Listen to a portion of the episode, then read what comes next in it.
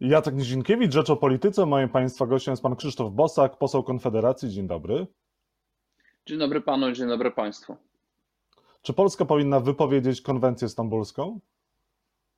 Nie powinna jej nigdy ratyfikować. Natomiast jeżeli ten błąd już popełniliśmy, to należy go naprawić. Tak, powinniśmy to zrobić. Żadne z państw Grupy Wyszehradzkiej poza nami nie zatwierdziło tej konwencji. E, sądy konstytucyjne niektórych państw wprost twierdzą, że jest ona do zablokowania. To jest przypadek Bułgarii. E, parlamenty państw takich jak Węgry czy Słowacja odrzucają ją. Nie mamy żadnego obowiązku ratyfikować tej konwencji. To ideologiczny dokument napisany przez lewicę i nie powinniśmy go nigdy ratyfikować. Kibicuje pan Prawo i Sprawiedliwości rządowi Zjednoczonej Prawicy, żeby właśnie doszło do wypowiedzenia konwencji antyprzemocowej? Żeby komuś kibicować, to trzeba zgadzać się z jego linią postępowania, a linia PiSu jest taka, że przez pięć lat tego nie zrobił, mimo że kiedy był w opozycji, to bardzo mocno krytykował.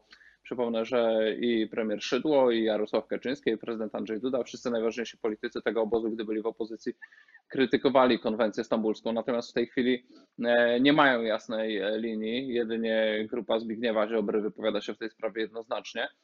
No i też trudno powiedzieć, żeby naciskała w tej sprawie jakoś bardzo mocno, bo pierwszy raz jeden z wiceministrów poruszył ten temat w maju tego roku. Wydaje się, że jest to element rozgrywki wewnętrznej. Natomiast niezależnie od tego, że mam taką ocenę, że to element rozgrywki wewnętrznej w obozie rządzącym, trzeba wykorzystać tą rozgrywkę wewnętrzną, żeby osiągnąć coś dobrego dla Polski. A myśli pan, że dojdzie do wypowiedzenia konwencji? Myślę, że nikt w obozie rządzącym tego jeszcze nie wie. E, to jest taka sytuacja, gdzie trwa przeciąganie liny i się może bardzo różnie skończyć. Właśnie dlatego warto naciskać i cieszę się, że powstał społeczny komitet tak dla rodziny, nie dla gender, złożony właśnie z ludzi z chrześcijańskiego kongresu społecznego, z niezależnych konserwatywnych organizacji, e, który zbiera 100 tysięcy podpisów e, po to, żeby właśnie wywrzeć ten społeczny oddolny nacisk na polityków. Widać wyraźnie, że politycy PiSu bez takiego prawicowego, chrześcijańskiego czy konserwatywnego nacisku sami z siebie nie są zdolni lub nie chcą nic zrobić w stronę konserwatywną. E, skoro więc zachowują się jak taka plastelina, to trzeba tą plastelinę naciskać i kształtować. Czy pan zakłada, że to nie jest tak naprawdę ideologiczne wzmożenie w Prawie i Sprawiedliwości, tylko w tej chwili to są rozgrywki wewnątrz rządowe Zjednoczonej Prawicy, tak? No, myślę, że przede wszystkim tak, że to jest rodzaj takiego szantażu ze strony Zbigniewa Ziobry. Na zasadzie, jeżeli pomniejszycie moje udziały w rządzie, jeżeli mnie odwołacie, to pokażecie, że nie jesteście e, tutaj e, konserwatystami, bo ja walczę o takie konserwatywne sprawy. No myślę, że to jest rodzaj takiego wewnętrznego szantażu w obozie rządzącym, natomiast my się nie możemy tym specjalnie przejmować i po prostu musimy y, żądać rzeczy dobrych dla Polski. Na, zdro na zdrowie. Dziękuję Panie pośle, nie jest Dziękuję. tak, że, że, że Solidarna Polska Zbigniew Ziobro próbuje część wyborców Konfederacji przejąć właśnie tym, tą próbą wypowiedzenia Konfederacji, tą próbą wypowiedzenia konwencji antyprzemocowej? Być może tak, być może taka argumentacja jest przedstawiana w jakichś kręgach. E, no i jeżeli ktoś zaczyna realizować nasz program po to, żeby rywalizować naszych wyborców, e, no to wypada się tylko cieszyć, bo to pokazuje, że jesteśmy opiniotwórczy, że przedstawiamy dobre, sensowne rozwiązania, które są łakomym kąskiem dla innych sił politycznych i oby tak dalej. Widzieliśmy to na finiszu kampanii prezydenckiej. Przypomnę, że prezydent Andrzej Duda na finiszu kampanii y, zapowiedział, że nie podpisze nowych podatków. Powtarzał, y, częściowo powtarzał tą moją deklarację z wyborów. Wiemy, że już za chwilę wraca podatek cukrowy. Liczymy, że zostanie przez prezydenta zawetowany, że dotrzyma swojego słowa z kampanii wyborczej. Mhm. A dotrzymał, dlaczego nie dotrzymał swojego słowa Jacek Sasin w sprawie kopalni? No co innego mówił w Warszawie na temat restrukturyzacji dziennikarzom, a co innego, kiedy jednak pojechał do e, górników e, na Śląsk i co powinno stać się e, z kopalniami, czy powinno dojść do restrukturyzacji? Jacek Sasin jest wykonawcą tutaj polityki rządu i woli prezesa Prawa i Sprawiedliwości i wielokrotnie już to pokazał, że jest takim człowiekiem narzędziem, że zmienia zdanie tak często jak to trzeba, zależnie od zmiany polityki obozu rządzącego. On nie ma żadnej swojej własnej polityki. To jest właśnie człowiek y, posłuszny prezesowi Prawa i Sprawiedliwości do wypełniania poleceń na różnych y, wymagających tej politycznej dyscypliny odcinkach i tak jest bez wątpienia z górnictwem. Co się powinno stać z górnictwem w mojej ocenie? No przede wszystkim powinniśmy wypowiedzieć duszące nasze górnictwo, energetykę, regulacje unijne takie jak Europejski Zielony Ład, pakiet klimatyczny i tak dalej. Natomiast na ostatnim szczycie Unii Europejskiej rząd wprowadził nas tylko w większą zależność od tych wszystkich regulacji. Po cichu już przestawia naszą energetykę na znacznie droższe technologie, do których kompletnie nie jesteśmy przygotowani których transformacji energetycznej, w kierunku których Unia wcale nie ma zamiaru nam sfinansować. W mojej ocenie w spółkach górniczych są często niegospodarności czy przerosty zatrudnienia. Należałoby zracjonalizować to, natomiast nie zamykać całych kopalń. Jeżeli jakieś wydobycie jakiegoś węgla z jakiegoś pokładu jest rentowne, no to należy y, tak długo wydobywać ten węgiel, aż, aż się ta y, aż się ten pokład wyczerpie. To, że w tej chwili jest kiepska koniunktura na rynku węgla, to nie znaczy, że tak będzie zawsze. I to, że w tej chwili wydobycie węgla w spółkach górniczych w Polsce z całym swoim wieloletnim bagażem różnego rodzaju niegospodarności jest drogie, to nie znaczy, że nie może być y, lepiej, bardziej rynkowo zorganizowane. To nie może być pretekst do wygaszenia polskiego górnictwa, a wyraźnie od, od, od, początku swojego rządu e, Prawo i Sprawiedliwość idzie w tym kierunku, zawiera dyskretne porozumienia z Komisją Europejską, obiecuje wygaszenie kolejnych kopalni i realizuje to. Przypomnę, że w poprzedniej kadencji Sejmu, a nawet jeszcze wcześniej nasi działacze uczestniczyli w protestach przeciwko polityce rządu Prawa i Sprawiedliwości i przy okazji publikacji konkretnych dokumentów w tej sprawie wychodziło, że były to, były to strategie pisane nie w rządzie, tylko w dużych międzynarodowych firmach konsultingowych. No ale Prawo i Sprawiedliwość przekonuje, że to za ich rządów dochodzi do otwierania kopalń, a nie zamykania.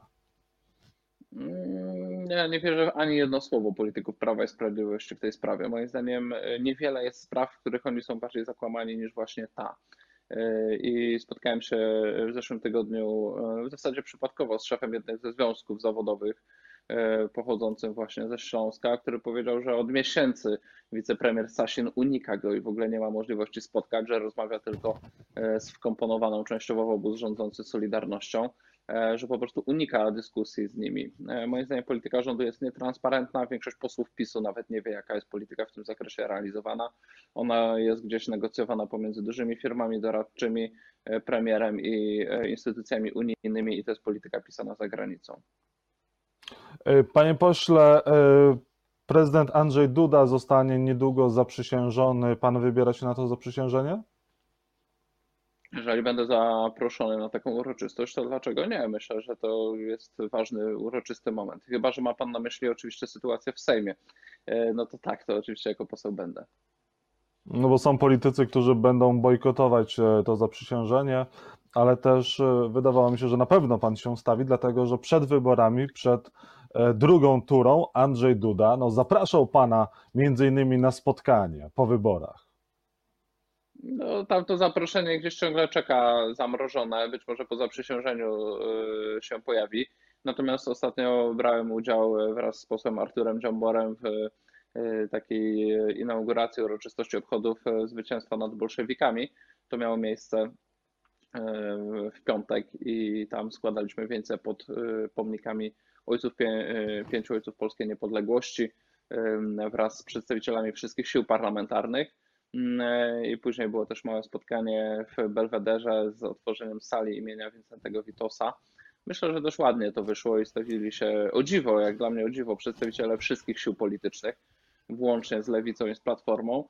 E, także to pokazuje, że takie spotkania ponad podziałami politycznymi, normalna rozmowa czy uczczenie jakichś państwowych rocznic są możliwe, natomiast z drugiej strony nie oszukujmy się, politycy będą szukali tego konfliktu, dlatego że ten konflikt y, wzajemny pozwala im budować się w oczach opinii publicznej, szczególnie politykom sił e, centroprawicowych czy centrolewicowych, którzy nie mając e, rzeczywistych różnic programowych w swoim działaniu do zaproponowania społeczeństwa, muszą żywić się konfliktem e, personalnym.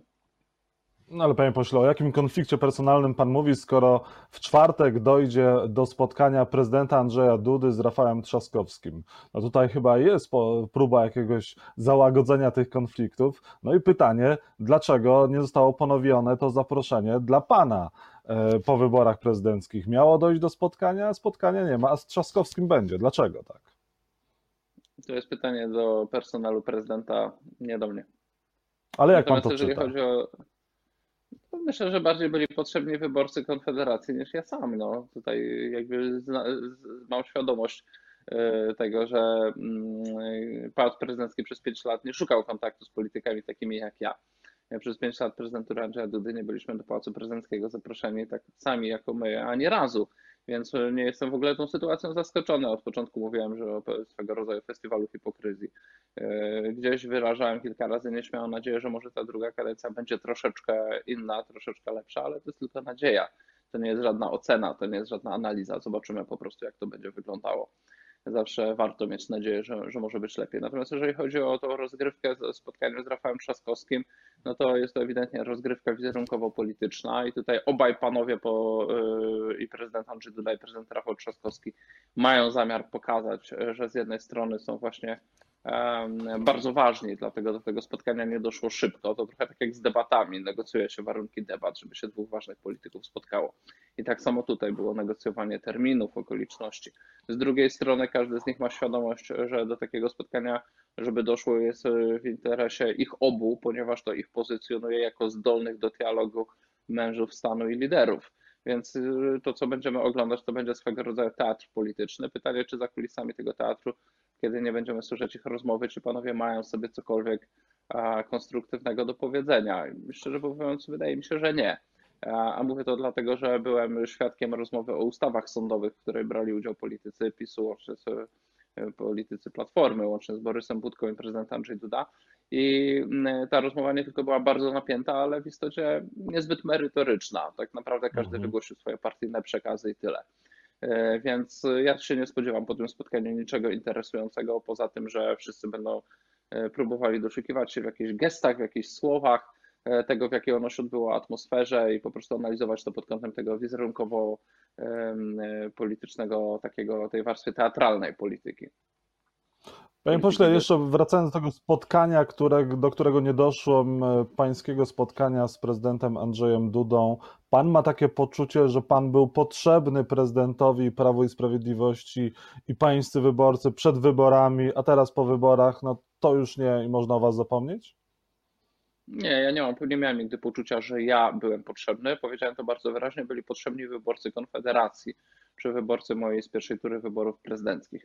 E, to oni byli potrzebni do zwycięstwa i gdyby nie głosy e, części moich wyborców, to Andrzej Duda te wybory by przegrał, ponieważ różnica e, pomiędzy zwycięzcą a przegranym w drugiej turze wyborów prezydenckich była mniejsza niż liczba moich wyborców, która w drugiej turze poszła i zagłosowała na prezydenta Andrzeja Dudę. Wydaje mi się, że PiS po wyborach bardzo szybko o tym zapomniał, nie wyciągnął żadnych wniosków. Dalej uprawia politykę takiej, powiedziałbym, pogardy, zamilczania czy cenzurowania Konfederacji. E, jest to godne pożałowania. Natomiast jeszcze raz podkreślę, nie jest to w żaden sposób zaskakujące, ponieważ uważam, że wiele rzeczy, które robi, robią politycy PiSu, nie wynika z jakiejś przemyślanej strategii, ale wynika po prostu z mentalności tych polityków, z ich mhm. swego rodzaju próżności politycznej, ich pewnych, moim zdaniem, anachronicznych przekonań co do tego, jak powinna wyglądać scena polityczna, jakie oni miejsce na tej scenie zajmują. E, I to nie są rzeczy uświadomione, głęboko przemyślane. Być może Jarosław Kaczyński ma strategicznie pewne rzeczy przemyślane, natomiast zwykli politycy PiSu często kierują się po prostu jakimś swoim, swojego rodzaju stylem politycznym. E, no i w tym stylu politycznym, w tym rozumieniu polityki dla sił takich jak Konfederacja miejsca nie ma. Oni wierzą święcie, że są prawicą, jednocześnie nie realizują prawicowego programu. Sytuacja dziwna, nieco schizofreniczna, ale co zrobić? Nikt nie obiecywał, że polityka demokratyczna będzie logiczna czy poukładana w jakiś prawidłowy sposób. Może to Jarosław Kaczyński powinien zostać premierem, skoro e, sytuacja jest tak dziwna i mało czytelna. Nie, nie, nie wydaje mi się. Wydaje mi się, że Jarosław Kaczyński jako frontman formacji rządzącej to już było testowane ponad 10 lat temu, kiedy został premierem i był dużo bardziej widoczny medialnie i y, to zdecydowanie nie była jego kompetencja. Jest y, politykiem, mhm. który ma problem z budowaniem zaufania społecznego, mówi rzeczy nieprzyjemne w nieprzyjemny sposób i, i wszyscy politycy w obozie rządzącym zdają sobie sprawę, że, że, że więcej zyskują wtedy, kiedy Jarosław Kaczyński jest gdzieś w drugiej linii wizerunkowo i społeczeństwo też widać, że ten układ zaakceptowało z takimi mm, bardziej wizerunkowymi premierami, jak wcześniej Beata Szydło, czy teraz Mateusz Morawiecki. Więc skoro ten model się sprawdza, to ja akurat go nie będę krytykował, bo jeżeli coś w naszym państwie działa, akurat ten model działa, to niech sobie działa i, i nie ma po co postulować, żeby to zmieniać. Panie pośle, wracając jeszcze do zaprzysiężenia prezydenta, czy ono powinno mieć miejsce już teraz, a nie po rozpatrzeniu przez Sąd Najwyższy wszystkich protestów wyborczych. Tych protestów wyborczych jest bardzo dużo, bo około 6 tysięcy. Nie za wcześnie z tym zaprzysiężeniem prezydenta? Nie, nie, nie, nie, nie. Zawsze mieliśmy taki kalendarz, zawsze była taka kolejność i nie widzę żadnego powodu, żeby tym razem było e, inaczej. Gdybym, e, gdybym miał taką opinię, żeby tym razem robić inaczej, oczywiście by to rodziło swego rodzaju kryzys ustrojowy i chaos ustrojowy. W ocenie naszej w Konfederacji skala protestów wyborczych Mm, e, nie jest na tyle duża, żeby w ogóle tutaj cokolwiek wstrzymywać. Oczywiście jest ich sporo, ale po każdych wyborach jest sporo protestów. E, Czyli Wiele wybory były się według Pana zgodnie z prawem, ze wszystkimi standardami demokratycznymi, były równe, bezpośrednie, tak? Ja się uśmiecham, dlatego że prawo i standardy demokratyczne są zupełnie dwie różne rzeczy, panie redaktorze. E, w większości standardów demokratycznych, które powinny być spełnione, takie jak na przykład równy dostęp stron do mediów czy uczciwa kampania wyborcza e, z równym dostępem do finansowania albo stabilne prawo wyborcze, do tych standardów to my nie mamy wpisanych ani do ustaw, ani do konstytucji. Więc oczywiście szereg standardów demokratycznych był naruszony przy tych wyborach i był naruszany przy poprzednich. Przypomnijmy, że do dziś telewizja publiczna nie opublikowała sprostowań związanych z kłamstwami na nasz temat w poprzedniej kampanii wyborczej do parlamentu w zeszłym roku. Więc standardy oczywiście niektóre były naruszone.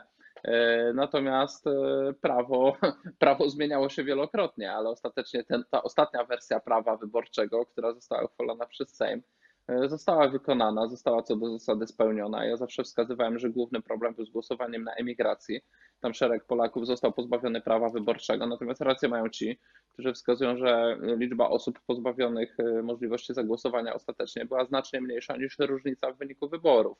Więc to nie jest taka sytuacja jak kilka lat temu w Stanach Zjednoczonych, że trzeba było czekać na policzenie ostatnich głosów, bo ciągle nie było wiadomo, kto wygra i ponowne przeliczenie głosów mogło zmienić wynik wyborów. Nie, takiej sytuacji w mhm. Polsce nie było. Ta różnica była na tyle duża, że, że to nie rodzi wątpliwości. Natomiast, żeby było jasne, każdy protest wyborczy musi być rozpatrzony i powinny być z niego wyciągnięte wnioski, tak żeby przy następnych wyborach poprawić procedury. I uważam, że w Polsce czasem zbyt nonszalancko podchodzimy do procedur. W wielu innych państwach e, te procedury bywają bardziej jeszcze e, doprecyzowane i powinniśmy to robić. Był taki trend kilka lat temu, po tym jak była wielka afera E, z wyborami na Mazowszu, gdzie było podejrzenie, że na korzyść PSL-u były pewne jakby oszustwa wyborcze. Były protesty pod PKW, później zostały wprowadzone przezroczyste urny, trochę został zmieniony sposób drukowania kart wyborczych i to były zmiany w dobrym kierunku. I moim zdaniem także jeżeli chodzi o liczenie kart, o ewidencjonowanie wyników, e, powinniśmy ten system doskonalić, tak żeby było jak najmniej wątpliwości, dlatego między innymi przy Konfederacji zrodził się niezależny ruch kontroli wyborów pilnuj wyborów.pl, Mieliśmy swoją własną platformę, na której można było zgłaszać różne nieprawidłowości. E, Fundacja Pilność Wyborów z Opola wykonała wielką pracę również z informatykami, którzy postawili specjalny system, e, który pozwalał na taką niezależną kontrolę obywatelską. Więc my staramy się jako ruch oddolny, niezależny też tu dołożyć swoją cegiełkę do tego, żeby wybory mhm. były uczciwe dwie kwestie przed, na koniec, przed wyborami, przed drugą turą. Andrzej Duda mówił do wyborców właśnie Konfederacji, do pańskich wyborców, że uczestniczył chociażby w Marszu Narodowym i podziela wiele wartości e, z panem, wyznaje podobne e, poglądy, przynajmniej częściowo. E, przed nami rocznica 1 sierpnia, rocznica wybuchu Powstania Warszawskiego.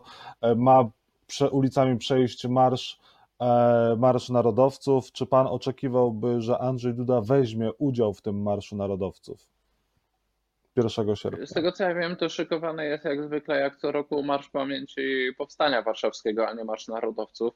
No, myślę, że warto się posługiwać właściwą nazwą, żeby ludzie wiedzieli, o jakim marszu mówimy.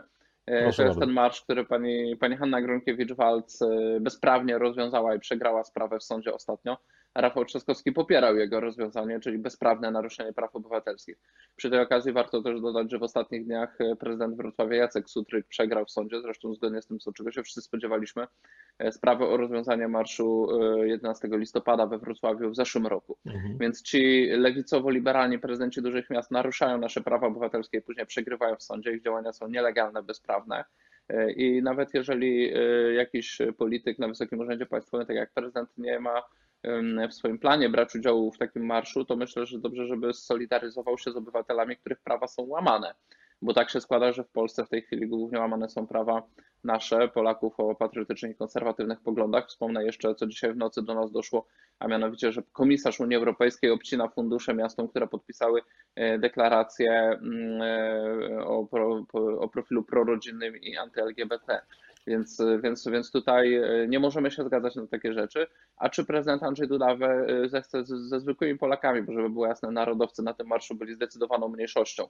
Po prostu grupa narodowców zainicjowała ten Marsz Pamięci Powstania Warszawskiego, po prostu dlatego, że nikt wcześniej takiego marszu nie robił.